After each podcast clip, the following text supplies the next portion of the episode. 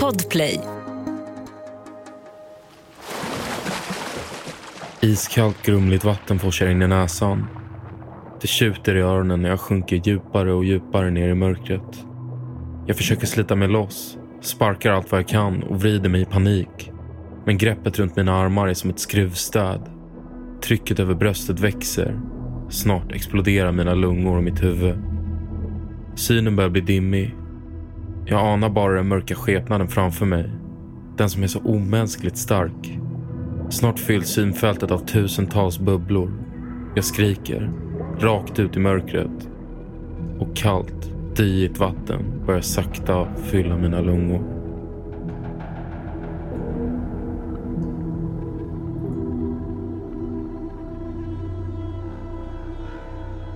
Välkommen till Oförklarliga fenomen. Ett program där jag, Evelina Johanna, Och jag, Tom Schäferdik. tar med dig på berättelser om märkliga och obehagliga händelser, mysterier och fenomen. Fenomen som inte alltid går att förklara. Innan vi drar igång med dagens berättelse vill vi bara tipsa om en grej. Om du har en historia du tror hade funkat bra som ett avsnitt kan du skicka den till oss på oförklarligtpod.gmail.com. Vi vill berätta de bästa historierna för er och kanske är det din som blir nästa avsnitt. Både jag och vår exekutiva producent Danne, som ni känner om ni brukar lyssna på våra bonusavsnitt, älskar ju nordisk mytologi. Så här kommer ett litet eh, miniquiz. Forskaren, Bäckahästen, Älvgubben. Huvudpersonen i det här avsnittet har många olika namn beroende på var i Norden man befinner sig. Men det vanligaste och mest kända namnet är... Trumvirvel. Kan ni svaret? Just det. Näcken.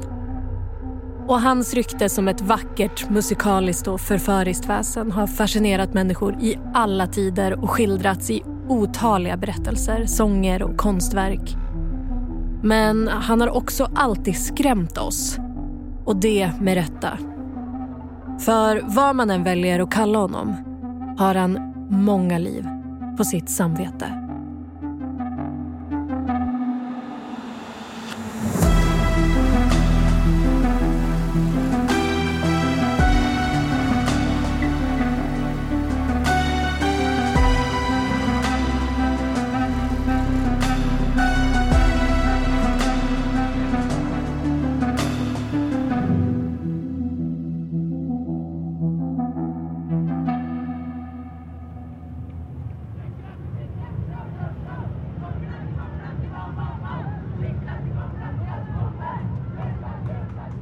Basgången från de enorma högtalarna dunkar i mitt bröst. Alkoholen börjar kännas i benen nu och jag känner hur jag sitter och dumler åt allt och alla. Förutom musiken så vibrerar bussen av mina vänners exalterade skrålande och fylleramsor. Vi är alla klädda i likadana röda overaller, täckta av olika påsida märken och pins. Några i bussen sitter fortfarande ner, men de flesta är uppe och går, dricker och dansar i mittgången. Minst två gånger har jag fått öl spilld över mig. Men jag bryr mig inte. Det här är de bästa veckorna på hela vår skoltid. De allra sista. De flesta i gänget har planerat den här bussresan sedan vi började ettan. Och om två timmar är vi framme vid Fredriksten i Halden. En av årets och hela landets största russefester. Några säten längre fram skymtar jag ett par vita sneakers och en mörk kalufs. Andreas. Han är klädd likadant som oss andra men annars finns det inget med Andreas som är mainstream. Ända sedan jag flyttade hit för ett år sedan har jag tyckt att han är den absolut snyggaste killen jag någonsin sett. Kanske känner han min blick i nacken för han vrider lite på huvudet åt mitt håll. Jag försöker torka bort dumflinet innan hans bruna ögon möter min blick, men det är svårt. Min mun lever sitt eget liv. Särskilt när jag ser hur Andreas ler tillbaka. Min blick fastnar på hans läppar och det suger till i magen på mig. Förmodligen rånar jag. Fan också. Den här gången ska jag inte fega ur. Det här ska bli mitt livs bästa helg.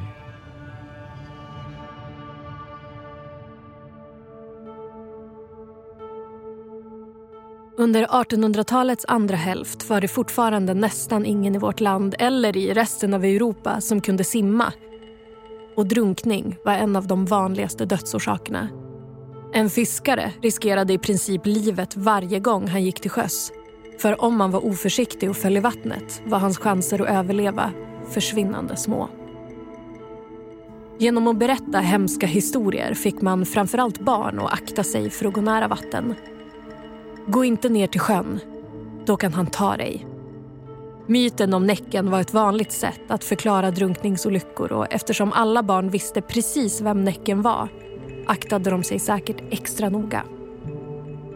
Så vem var Näcken? Eller kanske snarare vad? I berättelserna visade han sig oftast nära vattendrag eller sjöar. Ibland vid kvarnar som drevs av forsande vatten.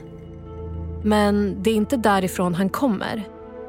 Enligt myten var Näcken en fallen ängel som tillsammans med djävulen själv kastats ut ur himmelriket och hamnat här hos oss på jorden. Ett ensamt väsen utan en mänsklig själ men med en stark längtan efter oss människor.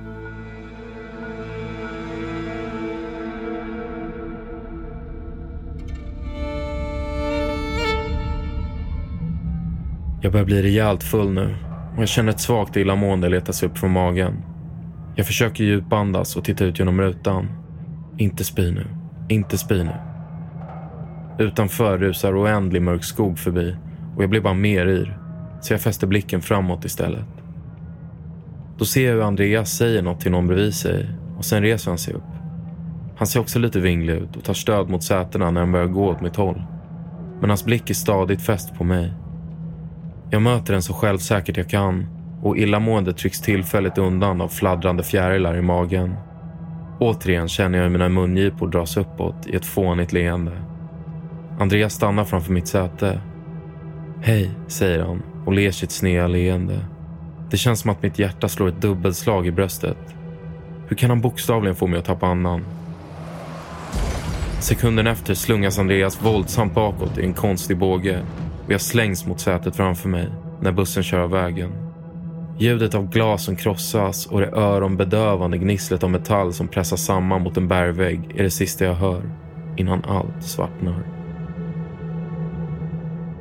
När jag vaknar upp är det alldeles stilla. Jag ligger i mittgången, täckt av glassplitter och med något tungt över bröstet. Det tar ett par sekunder innan jag förstår att tyngden är en kropp. En slapp, livlös kropp. Jag får panik.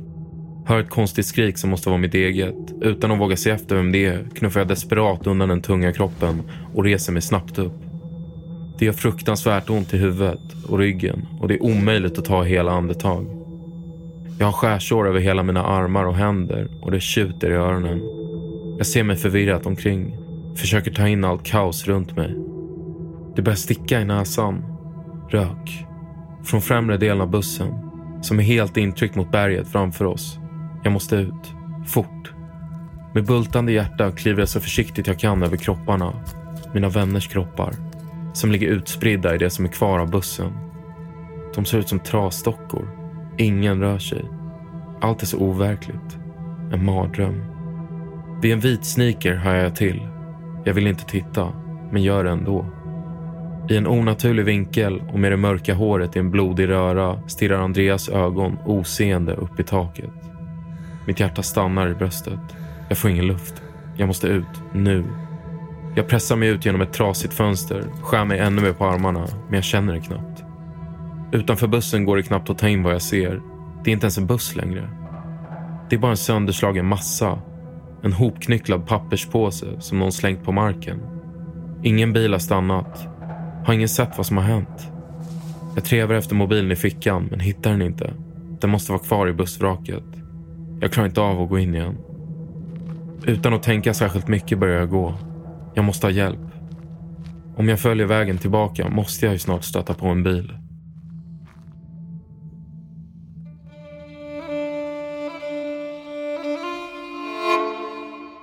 Den vanligaste bilden vi har av Näcken är nog den av en man sittandes i en bäck med en fiol i handen. Och Näcken var onekligen en skicklig musiker så skicklig att många spelmän var beredda att riskera livet för att få ta del av hans talang. Vilket inte var omöjligt om man spelade sina kort rätt. Först och främst gällde det att lyckas stämma träff med Näcken. Hur man gjorde det rådde det delade meningar om. En del sa att det var möjligt på midsommarafton. Andra att det inte spelade någon roll när på året man försökte så länge det var en torsdagkväll. Det viktigaste var att man hade med sig en gåva. Om man dök upp tomhänt riskerade man att förarga Näcken och bli neddragen i vattnet. Det finns också historier om hur Näcken blivit arg av andra anledningar och därför sett till att spelmannen aldrig kunde lära sig att spela själv utan för all framtid bara fick nöja sig med att kunna stämma instrument. Eller att spelmannen blev otroligt skicklig men aldrig fick spela så att någon hörde eftersom det då kunde gå fruktansvärt illa för både honom och de som lyssnade.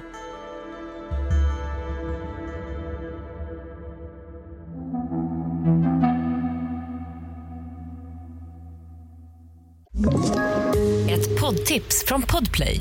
I fallen jag aldrig glömmer djupdyker Hasse Aro i arbetet bakom några av Sveriges mest uppseendeväckande brottsutredningar går vi in med hemlig telefonavlyssning och, och då upplever vi att vi får en total förändring av hans beteende. Vad är det som händer nu? Vem är det som läcker?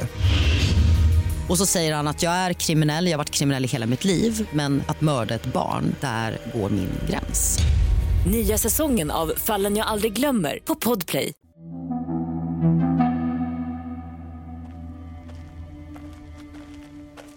Jag vet inte hur länge jag har gått. Allt ser bara likadant ut omkring mig. Rak, grå väg och oändlig skog på sidorna. För varje steg gör det mer och mer ont i ryggen och det börjar bli så tungt att andas att jag bara kan ta korta, chippande andetag. Det måste komma en bil snart. Jag börjar ångra att jag inte letade efter min mobil ändå och känner hur paniken kommer krypande. Men så ser jag plötsligt någon. Kanske hundra meter längre fram mellan skogen och vägen. Äntligen! Jag börjar nästan gråta av lättnad. Jag vinkar och försöker ropa, men rösten bär inte. Jag närmar mig så snabbt jag orkar. Men personen, som jag nu ser, är en man. Står bara still. Kanske skrämmer jag honom med hur jag ser ut. När jag närmar mig ser jag honom tydligare. Det är en kille i min egen ålder. Ungefär lika lång som jag. Med snygga kläder och välklippt frisyr. Som att han just klivit av innerstadsbussen i Oslo. Han passar liksom inte in här ute. Men det gör nog inte jag heller. Jag ser ingen bil i närheten så han måste ju ha promenerat. Vi kan inte vara långt från stan.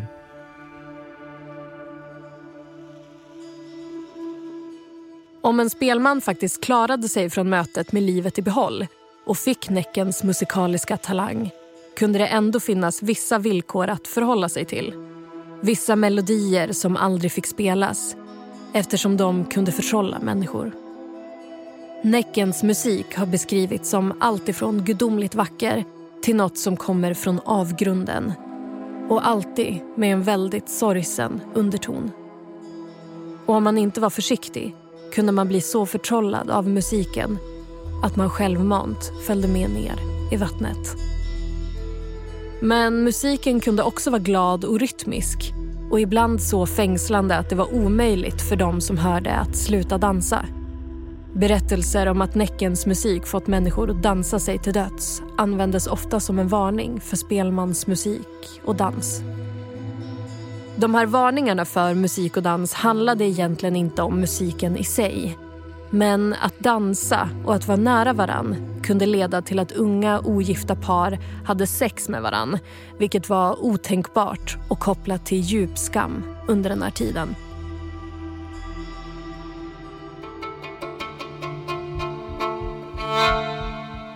Jag börjar stammande berätta vad som hänt. Det stockar sig i halsen och tårarna tränger fram. Chocken börjar släppa och jag tar plötsligt in allt. Ljuden, känslorna. Alla mina vänner som ligger kvar i bussen. Jag vet ju inte ens om någon lever.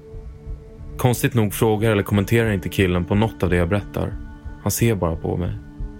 Jag tycker han ser bekant ut, men kan inte placera honom. Och det spelar ingen roll. Nu vill jag bara komma härifrån. Få hjälp. Kan du ringa någon? frågar jag. Äntligen öppnar han munnen. Hans röst är ljusare än jag förväntat mig. Kanske är han mycket yngre än jag trott. Jag har ingen telefon. Men jag vet hur man snabbast kommer till närmaste samhälle. Kom. Han vänder sig om mot en liten upptrampad djurstig som leder in i skogen. Tar mig lätt om axlarna och föser mig med sig. Hans beröring får mig nästan att börja gråta igen. Men den här gången av lättnad. Jag kommer att få hjälp. Allt kommer bli bra.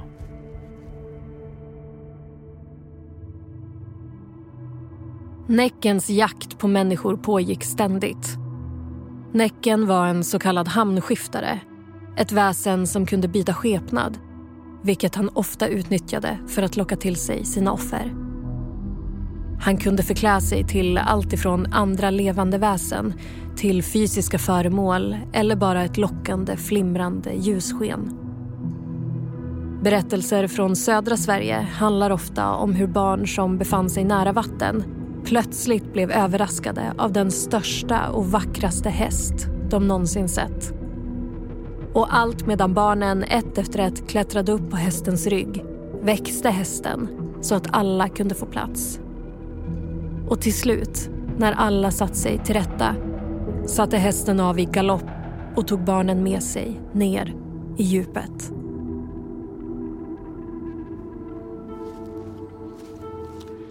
Vi har gått långt in i skogen nu.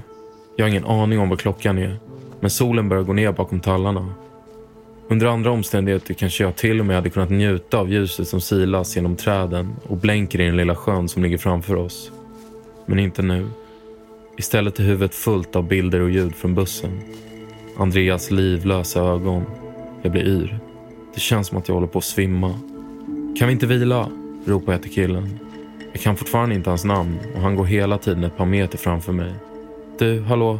Snälla, jag orkar inte mer. Jag måste vila. Han stannar äntligen och vänder sig långsamt om. Han ser underligt på mig. Varför verkar han så bekant?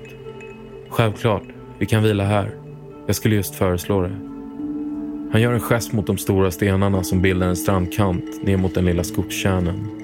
Jag går flåsande dit. Varje steg känns som hundra. Jag sätter mig och stannar till när min blåslagna kropp protesterar. Jag måste ha brutit flera reben. Killen sätter sig bredvid mig. Han verkar inte bry sig om att hans dyra kläder blir smutsiga.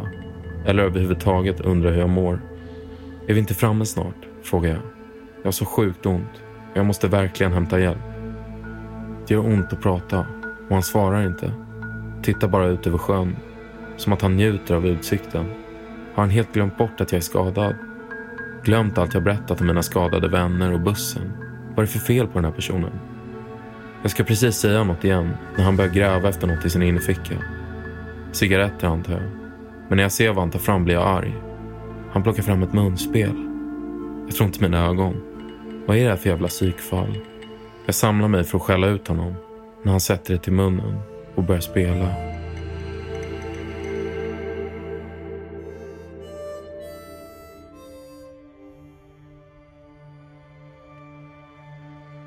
Näcken kunde alltså byta skepnad, vilket också gällde föremål ute på vattnet. Till exempel en kringflytande sjömanskista efter ett skepp som gått på grund. Den som såg föremålet från land lockades att ro ut i sin eka för att hämta det och när han lutade sig över båtens reling för att få tag i föremålet drogs han istället ner i djupet. Ekan flöt i land och historierna om hur Näcken tagit den stackars mannen eller kvinnan vandrade vidare genom gårdarna. Men Näcken var också en mästare på att förklä sig till andra levande människor. Till en stilig och belevad herre eller till och med en kvinnas egen fästman eller make för att på så sätt förföra henne. Och åtskilliga oönskade graviditeter bortförklarades med att Näcken varit framme. Kanske för att dölja en annan och mycket mer tragisk sanning under en tid då övergrepp, våldtäkt och incest tyvärr var relativt vanligt. Men den vaksamma kunde ändå urskilja vem som faktiskt stod framför dem eftersom Näcken ofta hade något särskiljande drag över sitt utseende. Det kunde till exempel vara väldigt långt svart hår, grodögon, bockfötter eller simhud mellan fingrar och tår. Men när man väl upptäckte var det ofta för sent.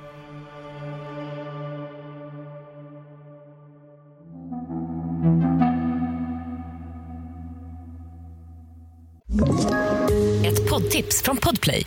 I podden Något Kaiko garanterar östgötarna Brutti och jag, Davva, dig en stor dos skratt. Där följer jag pladask för köttätandet igen. Man är lite som en jävla vampyr. Man har fått lite blodsmak och då måste man ha mer. Udda spaningar, fängslande anekdoter och en och annan arg rant. Jag måste ha mitt kaffe på morgonen för annars är jag ingen trevlig människa. Då är du ingen trevlig människa, punkt. Något kajko, hör du på podplay. Därför är gardinerna.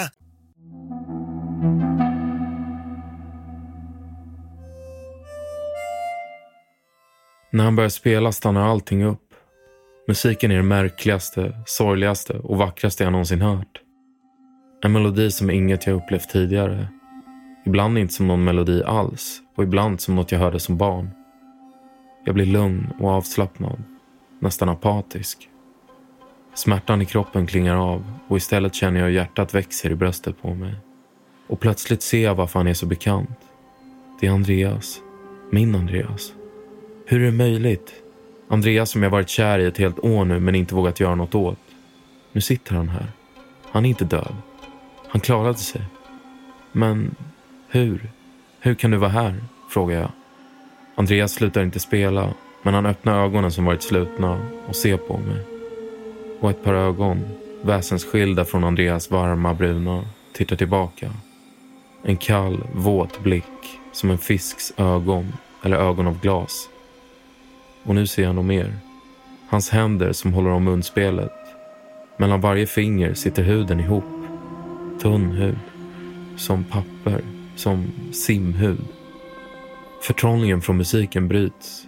Jag vill knuffa bort honom, men hinner inte. Ett par onaturligt starka armar tar ett hårt tag om mina axlar och sekunden efter rasar vi båda ner i det kalla, svarta vattnet.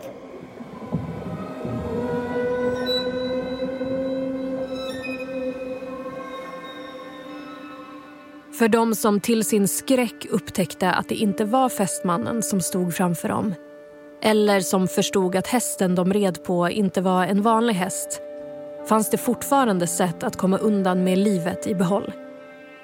Om man skulle vistas nära vatten kunde man sätta en kniv i strandkanten för att med hjälp av stålet binda Näcken så att han blev ofarlig.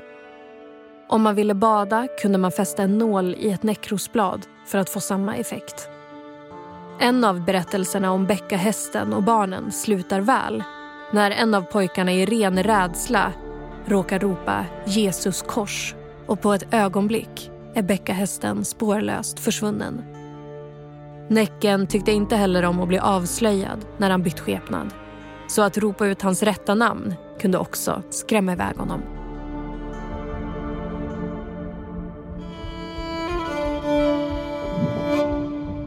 Iskallt grumligt vatten forsar in i näsan. Det tjuter i öronen när jag sjunker djupare och djupare ner i mörkret. Jag försöker slita mig loss, sparkar allt vad jag kan och vrider mig i panik. Men greppet runt mina armar är som ett skruvstäd. Genom bubblorna och dyn ser jag de kalla, blänkande fiskögonen stirra på mig. Mina lungor kommer sprängas snart. Mitt huvud håller på att explodera. Så plötsligt får mina fingrar som är pressade mot mina lår tag i något. En pinn. En löjlig liten pin som jag vunnit i någon ölhävartävling. Jag rycker loss den i panik, känner den vassa nålen mot fingertopparna och på ren chansning slår den så hårt jag kan framför mig. Den träffar och med ett djurliknande skrik och ett hastigt sprattlande lossnar greppet runt mig. Jag sparkar mig snabbt upp till ytan, får äntligen luft. Jag lever. Jag simmar de få meterna till stenkanten och häver mig halvvägs upp på land. Där blir jag liggande på mage. Jag hostar och kräks och dyigt sjövatten rinner ur min mun och näsa. Pulsen dunkar i huvudet. Det spränger i bröstet och halsen svider. Långsamt får jag tillbaka min normala andhämtning. Den öronbedövande pulsen går ner och så hör jag ett annat ljud. Hundskall, flera hundar och röster. Människor. Jag andas långsamt ett par gånger för att få kraft och tar i mig allt jag har för att häva mig hela vägen upp på strandkanten. Jag ska få hjälp. Nu kan jag se deras rörelse mellan träden. Då, ett snabbt tryck i min fot och ett till. Det sista jag känner är hur stenen skrapar upp mina händer innan jag ser världen försvinna ovanför vattenytan.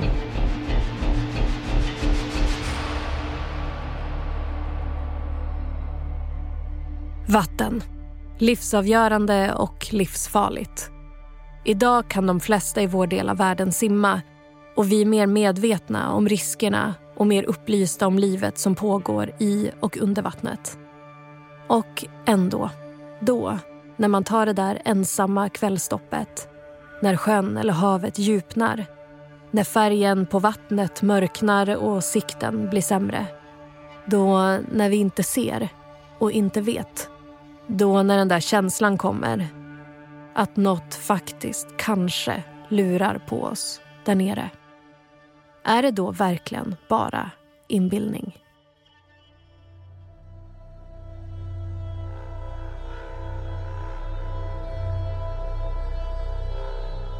Du har lyssnat på Oförklarliga fenomen med mig, Evelina Johanna. Och mig, Tom Schäferdik. Glöm inte att följa oss på TikTok där ni kan se bilder på Näcken. Och har ni idéer på fler oförklarliga fenomen, lämna en kommentar eller skriv till oss på TikTok eller Instagram. Båda hittar ni om ni söker på ät oförklarliga fenomen. I nästa avsnitt av Oförklarliga fenomen ska vi till en rymdstation där en ensam taikonaut, en kinesisk astronaut, hör det omöjliga. Han är ensam på sin farkost men ändå hör han knackningar och de kommer utifrån rymdstationen. Manuset i det här avsnittet är skrivet av Johanna Hellner. Redaktör Alex Häger. Originalmusik Adam Bejstam. Huvudtema Oskar Wendel. Ljuddesign och exekutiv producent Daniel Murberg. Oförklarliga fenomen görs av oss på podcastbolaget Cast.